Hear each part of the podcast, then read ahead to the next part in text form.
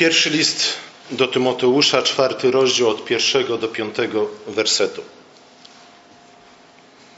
Duch zaś wyraźnie mówi, że w czasach ostatecznych niektórzy odejdą od wiary, dając posłuch zwodniczym duchom i naukom demonów, zwodzeni przez kłamców, którzy pozwolili wypalić własne sumienie.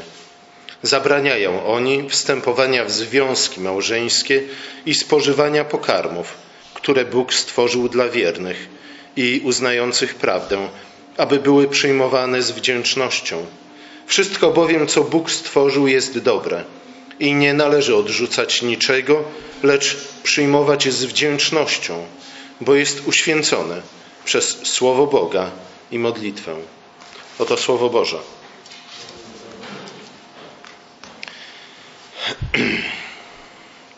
Paweł na, wstępie, na wstępie tego fragmentu stwierdza, że żyjemy w czasach ostatecznych. Co to znaczy, że żyjemy w czasach ostatecznych? To znaczy po prostu, że żyjemy w czasach pomiędzy z jednej strony śmiercią, zmartwychwstaniem i w niebo wstąpieniem Chrystusa, Chrystusa, a z drugiej strony sądem ostatecznym. Paweł nie wypowiada się na temat długości tych czasów ostatecznych. Niektórzy twierdzą, że Paweł oczekiwał, że te czasy ostateczne będą trwały dość krótko. E, tak jednak nie było. Od czasu do czasu pojawiają się ludzie, którzy mówią, skoro żyjemy w czasach ostatecznych, to znaczy, że prawdopodobnie dzisiaj o 15.30 Chrystus powróci i czasy te się zakończą. Tak jednak nie jest. Czasy ostateczne to jest po prostu ten ostatni etap w historii świata. Etap, który wszystko na to wskazuje, będzie najdłuższym z wszystkich poprzednich. Istotne jednak jest, w kontekście czasów ostatecznych, istotne jest to, że mimo zwycięstwa odniesionego przez Chrystusa na krzyżu, siły demoniczne nadal są aktywne. Zaś ich głównym celem jest zwodzenie wiernych. Niewiernych nie za bardzo jest po co zwodzić, bo i tak są już zwiedzeni. Tak więc ich celem są przede wszystkim wierni. Szatan krąży wokół nas jak lew ryczący, patrząc, jakby tu kogo pochłonąć. A zatem zwodzenie wiernych. I to zwodzenie przejawia się w pierwszej kolejności w nauczaniu ludzi, których Paweł określa jako tych, którzy pozwolili wypalić własne sumienie. Sumienie wypalone to sumienie naznaczone tak naprawdę znakiem szatana. To słowo odnosi się w pierwszej kolejności, czy też greckie słowo odnosi się w pierwszej kolejności do wypalania na przykład bydła. Znamy to wszyscy z filmów o kowbojach. Wszyscy wszędzie wypalali znaki i to oznaczało, że dana sztuka bydła należy do tego, a nie innego właściciela. Zatem ci, którzy pozwolili wypalić sobie własne sumienia, to ci, którzy pozwolili, aby szatan wypalił na ich sumieniach znak własności. To są ludzie, których sumienie jest nie tyle nieczułe i nieaktywne, ale których sumienie jest raczej wypaczone. Jest sumieniem naznaczonym piętnem fałszu. Jest sumieniem, które nazywa dobrym to, co jest złe, a złem to złym to, co jest dobre. Jest to sumienie, które czyni to wszystko pod płaszczem pobożności. I na to należy zwrócić uwagę ze względu na to, że szatan rzadko przychodzi do nas bez maski. Zazwyczaj zakłada maskę. I tak jak czytamy o tym w tym przypadku, zakłada maskę pobożności. Ze względu na to, że w jaki inny sposób miałby zwieść tych, którzy wierzą. Paweł podaje tutaj dwa przykłady tego, w jaki sposób ci ludzie, tacy ludzie, którzy mają wypalone piętno szatana na własnym sumieniu, w jaki sposób postępują, czego dotyczy ich fałszywe nauczanie. I w pierwszej kolejności dotyczy ono małżeństwa i pokarmów. Z innych listów apostoła wiemy, że te dwie kwestie dość często pojawiały się w pierwszych wspólnotach chrześcijan. Ludzie, których sumienia zostały wypaczone przez demoniczne idee, nakładali na siebie, chociaż najczęściej raczej na innych niż na siebie, pewne ograniczenia ograniczenia, jakich Bóg nigdy nie nakładał i nie nakłada na nas. Dodatkowo ukazują jako złe te rzeczy, które Bóg nazywa dobrymi, z których mamy korzystać z wdzięcznością. Różne mogą być powody tego, dlaczego ludzie w ten sposób postępują, albo różne mogą być argumenty, dla których twierdzą oni, a być może my sami nawet twierdzimy, że powinniśmy stronić od pewnych rzeczy, od pewnych pokarmów, albo wręcz stronić od małżeństwa. Jedni uważają małżeństwa, małżeństwa, także niektóre rodzaje pokarmów, zwykle jest to mięso, jako naznaczone jakąś nieusuwalną skazą, z powodu której te rzeczy, czy też małżeństwo jako instytucje samo w sobie są źródłem zła, są źródłem grzechu, są źródłem cierpienia. Tak jakby sama styczność z pewnymi rodzaju pokarmami zarażała nas grzechem. Była nie tylko grzechem, ale była też źródłem grzechu, a w związku z tym też potępienia. Jakby kontakt z tymi rzeczami, jakby zawarcie małżeństwa było nie tylko źródłem grzechu, ale też źródłem cierpienia. Tego typu myślenie było dość powszechne wśród niektórych sekt greckich, a nawet wśród wielu filozofów greckich i niestety także zagnieździło się w chrześcijaństwie.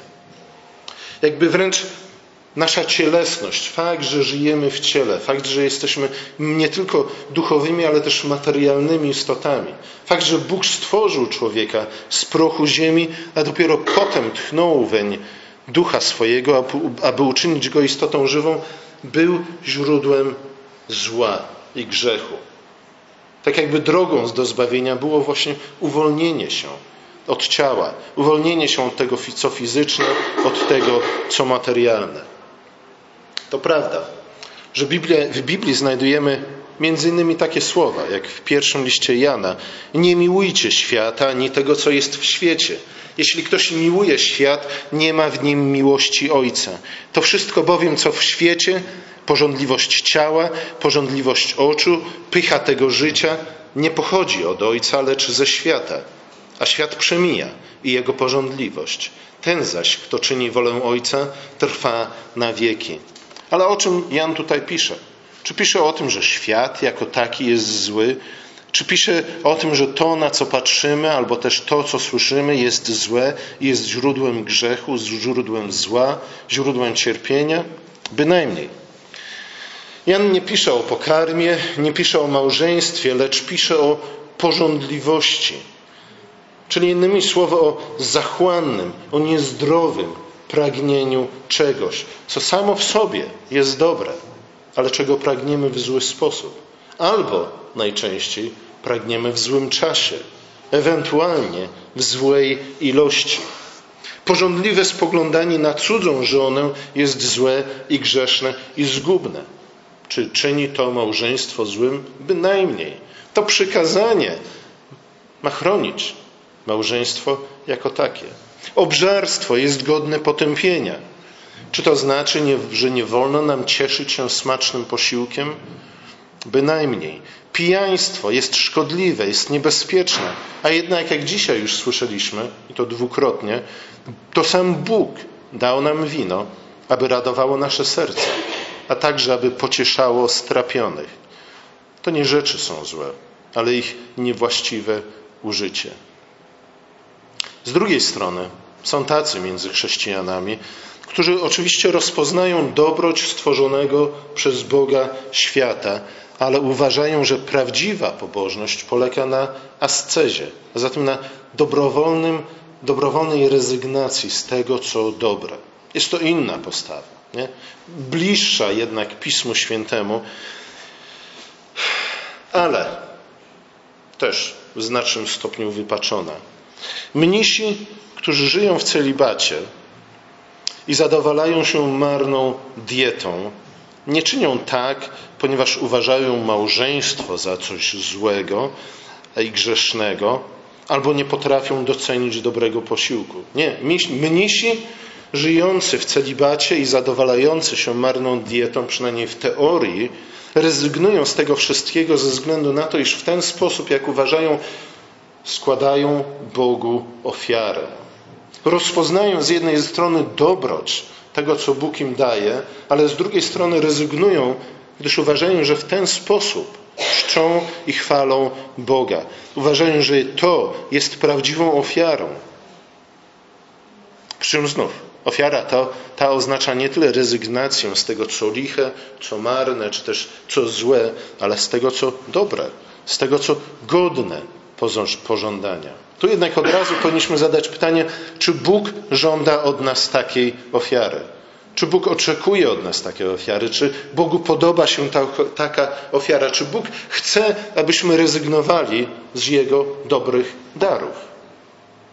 Czy tylko po to nam je daje, abyśmy w geście pobożności powiedzieli nie, dziękuję.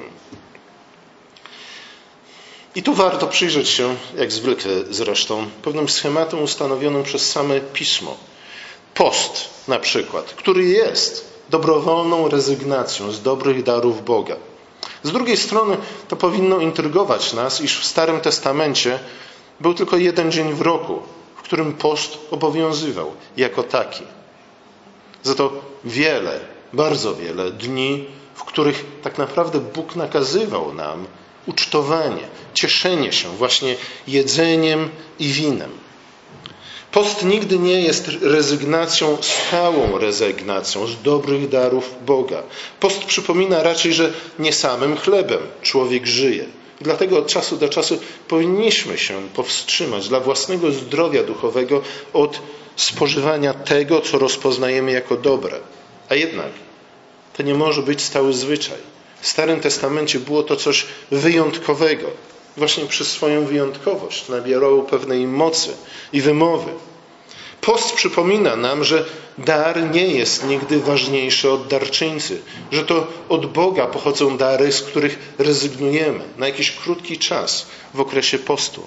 Post prowadzi nas w związku z tym tak naprawdę do jeszcze większego, głębszego i lepszego docenienia tego, co Bóg nam daje. Post prowadzi nas do ucztowania. Post prowadzi nas do radosnego i wdzięcznego korzystania z dobrych darów Boga. To Bóg ustanowił małżeństwo. To Bóg stworzył pokarmy. To Bóg daje nam wino. Mamy je przyjmować z wdzięcznością, a nie rezygnować z nich w imię fałszywej, fałszywie pojętej pobożności. Paweł mówi: bądźcie wdzięczni, z wdzięcznością przyjmujcie te dary. Ale jeśli mówimy o wdzięczności, to musimy też dodać, iż prawdziwa wdzięczność zawiera w sobie użycie tych darów. Jeśli przyjmujemy dary i mówimy dziękuję, a potem lądują one natychmiast w śmietniku, czy to jest prawdziwa wdzięczność? No bynajmniej. Jak wy byście się poczuli, gdybyście przynieśli komuś prezent? Ten by spojrzał nań, nawet by nie rozpakował. Oczywiście podziękowałby za niego ze względu na to, że tak wymaga, tego wymaga etykieta, a potem nigdy by nie otworzył tej butelki wina albo tej e, bombonierki, którą mu przynieśliście, albo tego flakonika z tym czy z owym, nie? Czy to byłaby prawdziwa wdzięczność? Bynajmniej. Nie? To byłaby tylko i wyłącznie obłuda. Wdzięczność zakłada użycie tego, za, to, za co e, dziękujemy, czyli spożytkowanie dobrych darów Boga, nie zaś rezygnację z nich. Tak, jest miejsce na post, ale jednak powinniśmy zachować tu odpowiednie, właściwe proporcje. Niestety do tej pory pokutuje wśród chrześcijan przekonanie, że świat materialny i nasza cielesna egzystencja stanowią przeszkodę dla życia wiary. Ale przecież to Bóg sam Bóg, spoglądając na swoje dzieło, powiedział, że wszystko, co uczynił, było bardzo dobre. To, co Bóg nazywa dobrym, my nie możemy nazywać złym. To, co Bóg daje nam do użycia, powinniśmy przyjmować z wdzięcznością i rzeczywiście używać tego, cieszyć się tym. Bóg stworzył nas istotami cielesnymi dając nam nie tylko rośliny, ale także zwierzęta jako pokarm. To Bóg sprowadził głęboki sen na Adama i uczynił Ewę, aby oboje stali się jednym ciałem i w ten sposób ustanowił instytucję małżeństwa I to Bóg powiedział do nich: rozmnażajcie się i napełniajcie ziemię. W końcu niemalże każdej niedzieli wyznajemy wiarę naszą chrześcijańską, której częścią jest wiara w zmartwychwstanie ciała, a nie w nieśmiertelność duszy. I to też powinno nam dać wiele do myślenia na temat tego, jaki ma być nasz stosunek do świata fizycznego. To prawda, że reformatorzy mówili często czymś, co nazywamy contemptus mundi, czyli o pogardzie dla świata. Ale znów ta pogarda dla świata musi być we właściwy sposób zrozumiana. Tak jak słowa Jana o miłowaniu świata i o nienawiści świata muszą być właściwie zrozumiane. Ta pogarda dla świata nie wynika i nie może wynikać z uznania świata materialnego, świata cielesnego, naszej cielesnej egzystencji za coś złego, za źródło cierpienia, za źródło grzechu. Raczej wynika z porównania życia doczesnego z, życia, z życiem przyszłym. Tak, abyśmy nigdy nie zapomnieli o tym, że dary, jakie Bóg nam daje, mają prowadzić nas do darczyńcy, a nie zasłaniać nam darczyńcę. Kalwin napisał: Rozmyślania nad życiem przyszłym pozwalają nam zrozumieć marność teraźniejszości. A zatem rozmyślania nad życiem przyszłym mają nas zachęcić do tego, abyśmy dążyli z wytrwałością, z wiernością, z cierpliwością do nowej Jerozolimy, do tej nowego sposobu życia, do nowej ziemi, nowego nieba, w których mieszka pokój i miłość i sprawiedliwość.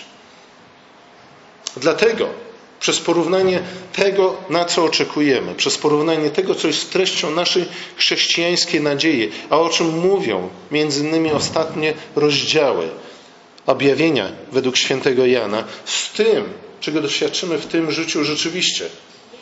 Trudno te dwie rzeczy nawet porównać. Tam to jest wielokrotnie nieporównanie większe i lepsze niż to, czego doświadczamy tu i teraz. Z tego względu nie powinniśmy za bardzo przyzwyczajać się i przywiązywać się do tego, co tu i teraz, ze względu na to, że tam jest nasz dom. To jest cel naszego życia. Jednak pogarda ta nie może prowadzić do nienawiści wobec świata, ani tym bardziej do niewdzięczności wobec Boga. W końcu to Bóg tak sam zrządził, abyśmy żyli jako istoty fizyczne, cielesne, a nie tylko duchowne, abyśmy żyli w tym fizycznym świecie.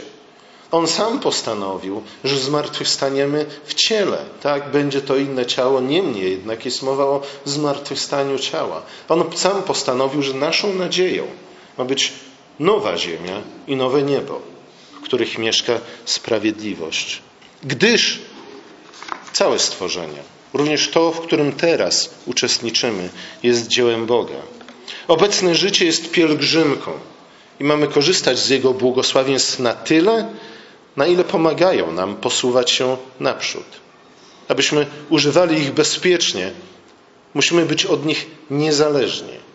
Rzeczy tego świata są dobre same w sobie, jednak nie, nie możemy dać się im zniewolić. No i właśnie to zniewolenie jest problemem dla nas.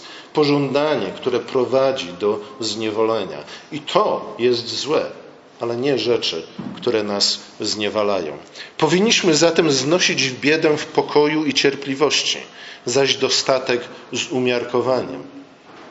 Wdzięczność i umiarkowanie to są te dwie zasady, które Pismo, a idąc za nim również Kalwin i inni reformatorzy, zalecają nam korzystaniu właściwym z tego, co Bóg nam daje, z rzeczy materialnych, z rzeczy fizycznych. Umiarkowanie i cierpliwość. Umiarkowanie, żeby uczta nie stała się orgią. Umiarkowanie, żeby małżeństwo było w poważaniu. Umiarkowanie, żeby wino rzeczywiście niosło nam pociechę i radość, a nie żeby pozbawiało nas rozumu. To właśnie wdzięczność, jak mówi tutaj Paweł, a także umiarkowanie, jak przypominają nam o tym reformatorzy, jest kluczem do sukcesu, jest kluczem do właściwego spożytkowania tego, co Bóg nam daje.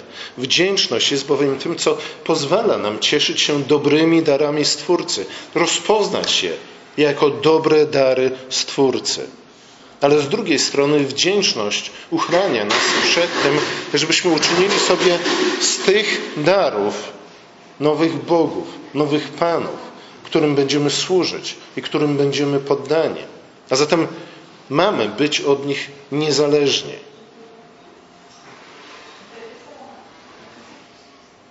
Wdzięczność powstrzymuje nas właśnie od nadużycia, od używania bez umiarkowania tego, co Bóg nam daje.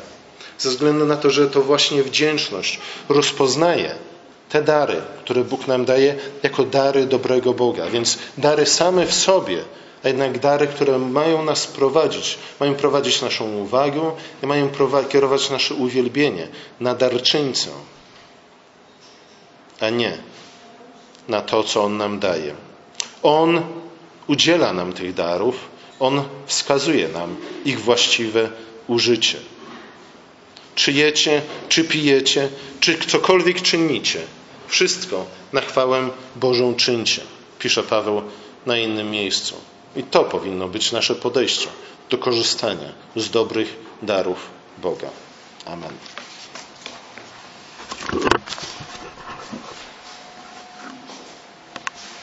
Каштан не застревали